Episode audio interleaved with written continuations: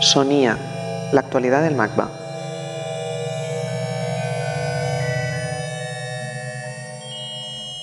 Los museos del siglo XXI no pueden continuar funcionando con los mismos paradigmas que los museos de la modernidad.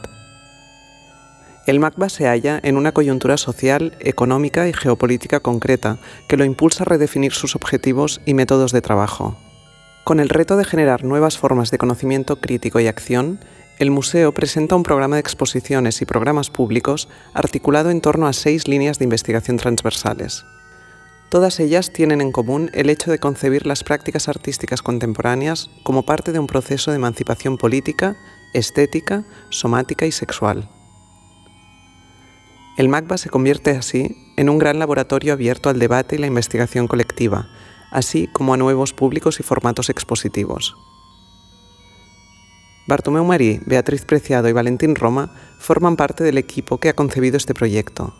En este SUNIA nos presentan los ejes conceptuales que estructurarán la programación del museo del 2014 al 2016. MACBA 2014 Nuevos objetivos, nuevos modelos productivos. Bartomeu Marí, director del MACBA. No només aprofitem aquest moment per créixer, sinó també per implicar-nos molt més amb la ciutat, amb el nostre entorn artístic i amb els nostres públics i que té també uns, uns antecedents que voldria recordar.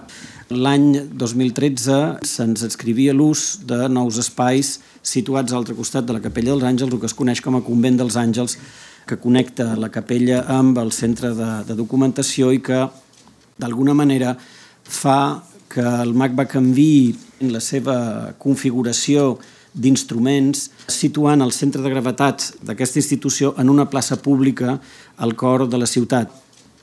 També en aquell moment percebíem la consolidació de profuns canvis socials i econòmics que, han, que havien vingut succeint al llarg dels últims 3-4 anys i que demanaven una reflexió o una mm, reconfiguració de lo que és el museu, de qui som, què fem, per què ho fem i com ho farem. Crec que quan els contextos canvien, i ningú hi ha dubte que tant social com econòmicament els canvis han set profuns en aquests últims anys, també la institució s'ha d'adaptar. Aleshores, Eh, ens vam plantejar el que nosaltres anomenem un canvi de model productiu per poder mantenir la filosofia que va inspirar la creació i el desenvolupament d'aquest museu. Una pregunta molt general és què és el museu ara? I fonamentalment les respostes que li donem són força senzilles. És una institució que produeix coneixement, un coneixement que no està separat de la sensibilitat i de l'educació, és una institució que està feta per transformar l'esfera pública, els valors i les creències que hi circulen, i és una institució que vol arrelar-se amb els seus contextos locals i continuar obert al món. I fonamentalment la següent pregunta era com es fa aquest nou museu. I aquest nou museu, com he dit, que guarda i manté la filosofia inicial però que l'ha d'executar d'una manera molt diferent, es fa a través d'una nova manera de treballar. I aquesta nova manera de treballar té una primera clau, que és reconnectar tots els àmbits de creació i d'acció del museu, el que abans se'n deien departaments, però que són grans àrees d'activitat. Hi ha des de, la, des de les exposicions, els programes públics, la col·lecció, els arxius, la mediació, les publicacions, etc. fer-ho reconnectar de nou d'una altra manera, sobretot per trobar-nos amb nous públics.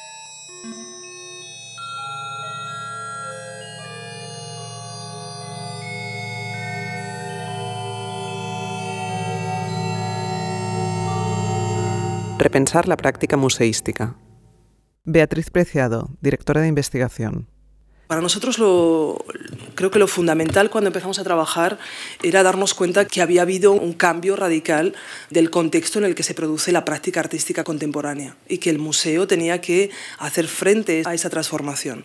Es decir, que ya no estábamos en, en no estábamos en un museo que estuviera centrado en el, en el objeto, en las prácticas objetuales, sino que estábamos en un ámbito de producción de valor inmaterial, de producción de patrimonio inmaterial. Y por tanto, el el museo aparecía como un lugar en el que investigar y producir conocimiento. Queríamos que el proceso de investigación mismo estuviera en el centro del museo. Un museo que no investiga bueno, pues se convierte en un gran almacén de cosas. ¿no? Entonces, invocábamos aquí, por ejemplo, la, la noción de, de, la feminista americana Donna Haraway, que habla de conocimiento situado, es decir, del conocimiento que podemos producir aquí y ahora aquí en este museo y ahora, es decir, en el contexto específico de Cataluña, en la ciudad de Barcelona, además en, en el Raval. es, así, es decir, vamos en, en, la posición eh, geopolítica desde la que nosotros podemos producir conocimiento. Y por tanto, además, no sé, para aquellos que, que venimos un poco desde fuera y que, que atravesamos el museo, yo creo que estamos en un momento hoy absolutamente entusiasmante y emocionante, al menos a mí me lo parece, ¿no? y creo que es un momento maravilloso para poder repensar la, la práctica y la actividad del museo queríamos hacernos cargo de, eh, la posición del, museo en Barcelona, de Barcelona como puerto de una economía colonial. Ya veréis que esto va a determinar luego líneas de investigación.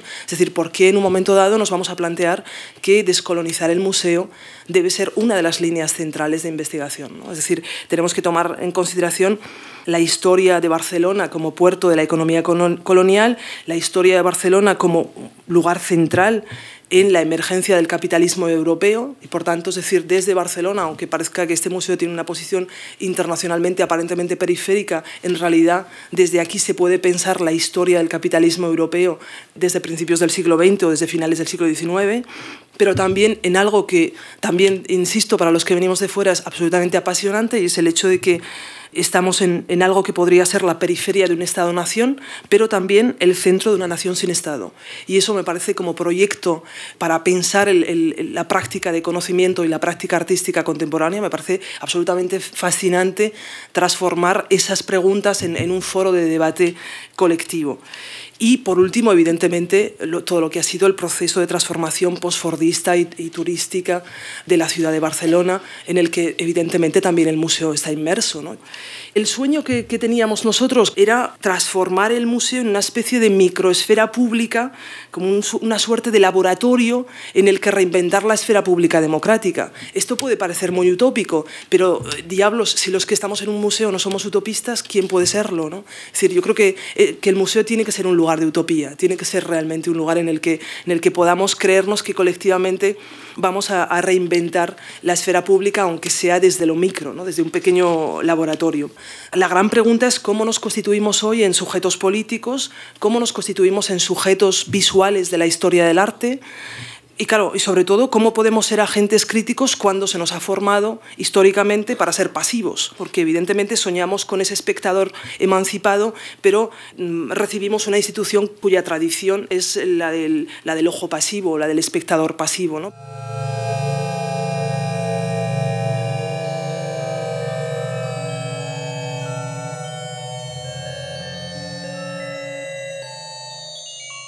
Laboratorios de Resistencia Cultural. Seis ejes de investigación transversal. Nuestra propuesta de líneas de investigación para el museo, bueno, pues vais a ver que cada línea de investigación es como un laboratorio de ideas. Nosotros lo que tenemos aquí son un conjunto de preguntas y por eso le llamamos un proyecto de investigación o unas líneas de investigación, porque de momento no tenemos respuestas seguras. Y para dar respuestas, además, lo que queremos hacer es convocar a los agentes críticos, tanto locales como internacionales, a los artistas, a los activistas, a aquellos que están produciendo conocimiento también en lugares que no son el museo. Cada línea de investigación es al mismo tiempo un contenido temático, pero es también una epistemología, es decir, un modo de conocer. Es decir, cada línea de investigación propone un marco crítico, un vocabulario, una gramática específica, porque estamos en un momento de cambio de paradigma y por tanto necesitamos nuevos lenguajes, nuevas gramáticas. Lo que no podemos seguir es trabajando con los lenguajes de 1950 para pensar el museo contemporáneo. Esto es inimaginable. ¿no? Pero también cada línea de investigación no solamente es un contenido, una epistemología, es también una metodología. Es decir, produce sus propias formas de trabajar dentro del museo, que ya no están determinadas por formatos que existen, es decir, ni por metros cuadrados. Ya no se trata de decir, bueno, pues mira, las exposiciones hay que hacerlas así y los programas públicos hay que hacerlos así. No, se trata de decir, ¿cuáles son los formatos que generan estos modos de pensar. Os vamos a proponer formatos relativamente arriesgados porque hibridan, porque eh, están mezclando o proponiendo hibridaciones entre lo que tradicionalmente era la exposición y lo que tradicionalmente eran los, los programas públicos.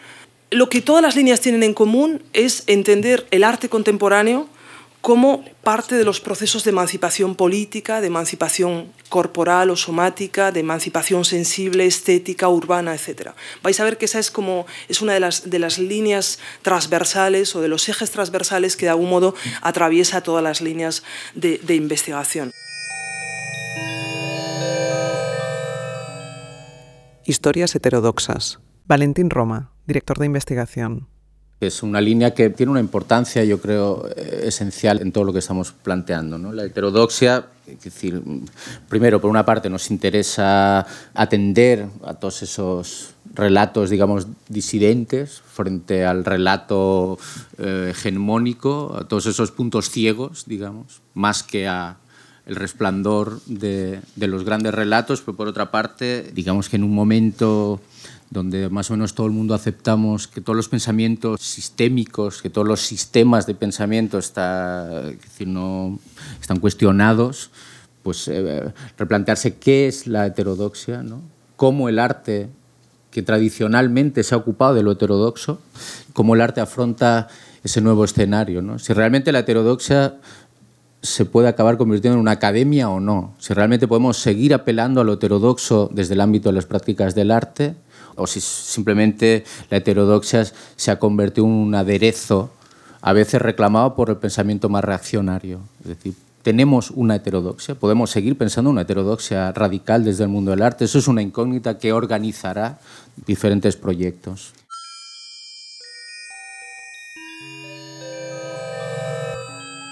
Descolonizar el museo respondía a la urgencia de que un museo como este eh, se plantease un conjunto de cuestiones que ya se están planteando los museos en el ámbito internacional. Están tomando conciencia precisamente por los procesos de poscolonialidad y de globalización, están tomando conciencia que el museo ha sido una tecnología social de producción colonial, de producción de eso que podríamos llamar la razón colonial. Ha sido casi, podríamos decir, una de las tecnologías fundamentales en producción de representación y de memoria colonial. Y por tanto, nos daba la impresión que este era el momento para empezar un cuestionamiento crítico acerca de, cuál había sido el papel del museo en la construcción de esa razón colonial y también la posibilidad de abrir el museo a los lenguajes y las prácticas de descolonización. Es decir, que hace tiempo que venimos hablando en este museo de la urgencia de reconocer la posición geopolítica de Barcelona en el Mediterráneo, pero más allá únicamente del Mediterráneo, se trataba de explorar lo que podríamos llamar las geopolíticas del conocimiento, es decir, cuáles son de alguna manera las brechas que las prácticas de descolonización abren en las narrativas y en los modos de exponer y de representar del Museo de la Modernidad, que afectan igualmente al Museo de Arte Contemporáneo. Aquí, de manera muy particular, estamos iniciando todo un conjunto de proyectos que están en diálogo con el norte de África y con Oriente Medio pero no, ya veréis, decir, no como un club de vacaciones, ¿no? sino precisamente lo contrario, porque hay os digo esto porque eh, no se trata precisamente de capitalizar el norte de África o de capitalizar Oriente Medio, ¿no? sino precisamente de dejarse descolonizar desde sus posiciones críticas desde sus cuestiones. Por tanto, un proyecto de fondo que no solamente se, va a traducir en exposiciones concretas, sino en crear realmente una plataforma de debate público eh, en, en la ciudad.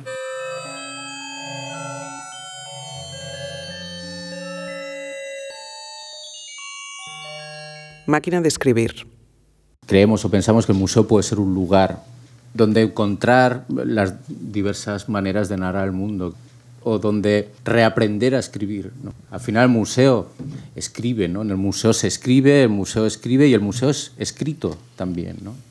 Nos interesaba, más allá de cuestiones que tienen que ver con la naturaleza de las ficciones o con la naturaleza de las narraciones, nos interesaba un momento previo, que es la escritura. ¿no? Qué escribimos, qué escribimos en el museo, qué escribe el arte o qué vínculos existen entre el arte y la escritura, más allá de que haya artistas que escriben o, escritores que hacen arte, digamos. ¿no?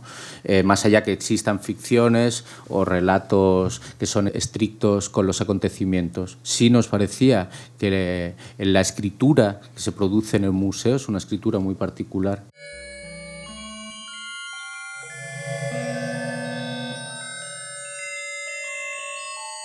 Cuerpos políticos.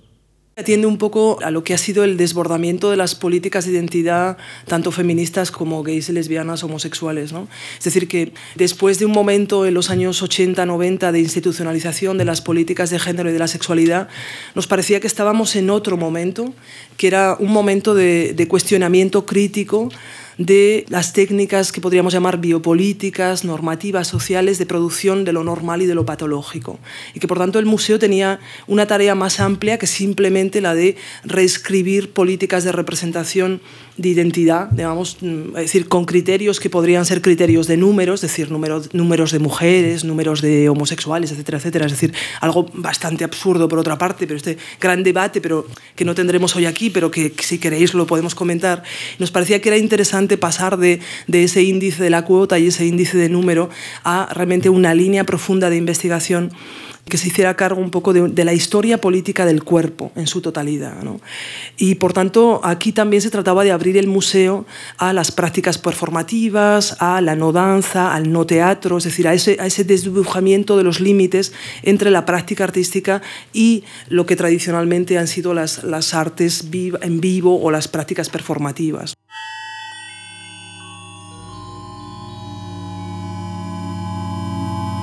La arquitectura como práctica cultural. De alguna manera ya el MACBA había mostrado su interés y su foco de atención hacia el territorio de la arquitectura. Pero hemos planteado una línea de investigación que es también, igual que las otras, se expresa en diferentes proyectos donde de alguna manera entramos un poco más a fondo en tres o cuatro cuestiones que tienen que ver con lo arquitectónico, sobre todo la arquitectura más allá de los sus historicismos, del diseño, digamos, cómo es la arquitectura, cómo, qué arquitectura produce práctica cultural, ¿no? ¿Qué, arquitectura produce ciudad, por decirlo de alguna manera. Imposible pensar hoy la arquitectura sin tener en cuenta la plaza pública, los problemas de la vivienda, eh, la calle, etc. Hay una serie de proyectos que van a estar en, en este periodo, algunos que se ocuparán de figuras más o menos esenciales dentro de la configuración de la ciudad de Barcelona, pero luego hay otra serie de proyectos que van en una dirección distinta. Tecnologías de la conciencia. Aquí el proyecto tiene que ver con cartografiar las nuevas tecnologías de producción de conciencia y su relación con el arte contemporáneo. Sería algo así como, por decirlo de algún modo, como hacer una historia del ojo en la era de la tecnociencia. Es decir, ya no, no podemos pensar la visualidad, el ojo, la experiencia artística del mismo modo que se estaba pensando en el siglo XIX. Y eso por dos variables fundamentales. Una que tiene que ver con las tecnologías de la comunicación y la información y otra, las biotecnologías, las tecnologías bioquímicas, eso que tradicionalmente se viene a llamar drogas, pero que de manera más amplia se podría llamar farmacopolítica, por decirlo de algún modo. ¿no? Todo el ámbito de la producción bioquímica de la subjetividad.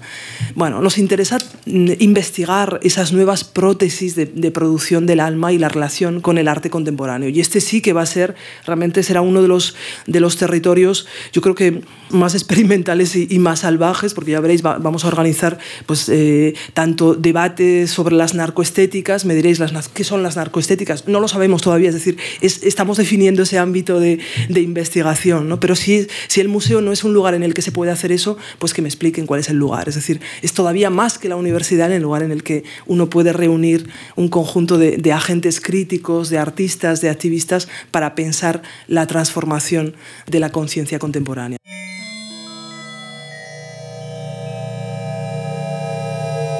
Programas públicos, un espacio para el debate y la imaginación social.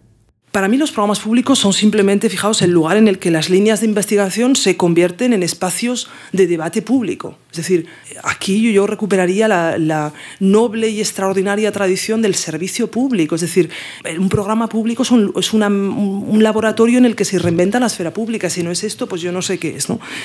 Un programa público no puede ser hacer una programación para consumidores culturales. O sea, esto hoy no tendría sentido en, un museo de arte contemporáneo. Entonces, nosotros estamos pensando los programas públicos como parlamentos cognitivos y somáticos. Es decir, parlamentos en los que imaginar lo social, la relación social, en el que reimaginar el mundo, pero también a través de la experiencia estética, de la experiencia sensible. ¿no? De lo que se trataba también es de algunas de las hipótesis de trabajo que ya habían funcionado en el programa de estudios independientes como pequeño laboratorio, se trataba de casi como de extenderlas a otros públicos de la ciudad de Barcelona, a, otros públicos. Es decir, que no pensar que porque los debates son sofisticados nadie puede tener acceso a ellos. No, los debates son falsificados. Lo que, lo que tenemos que pensar son cuáles son los formatos que hacen que distintos públicos puedan acceder a debates sofisticados. ¿no? Yo creo que precisamente eh, lo que el público público está pidiendo es producción de sentido, son nuevos lenguajes, nuevas gramáticas, ¿no? y, creo que eso es lo que debe proponer el, el museo.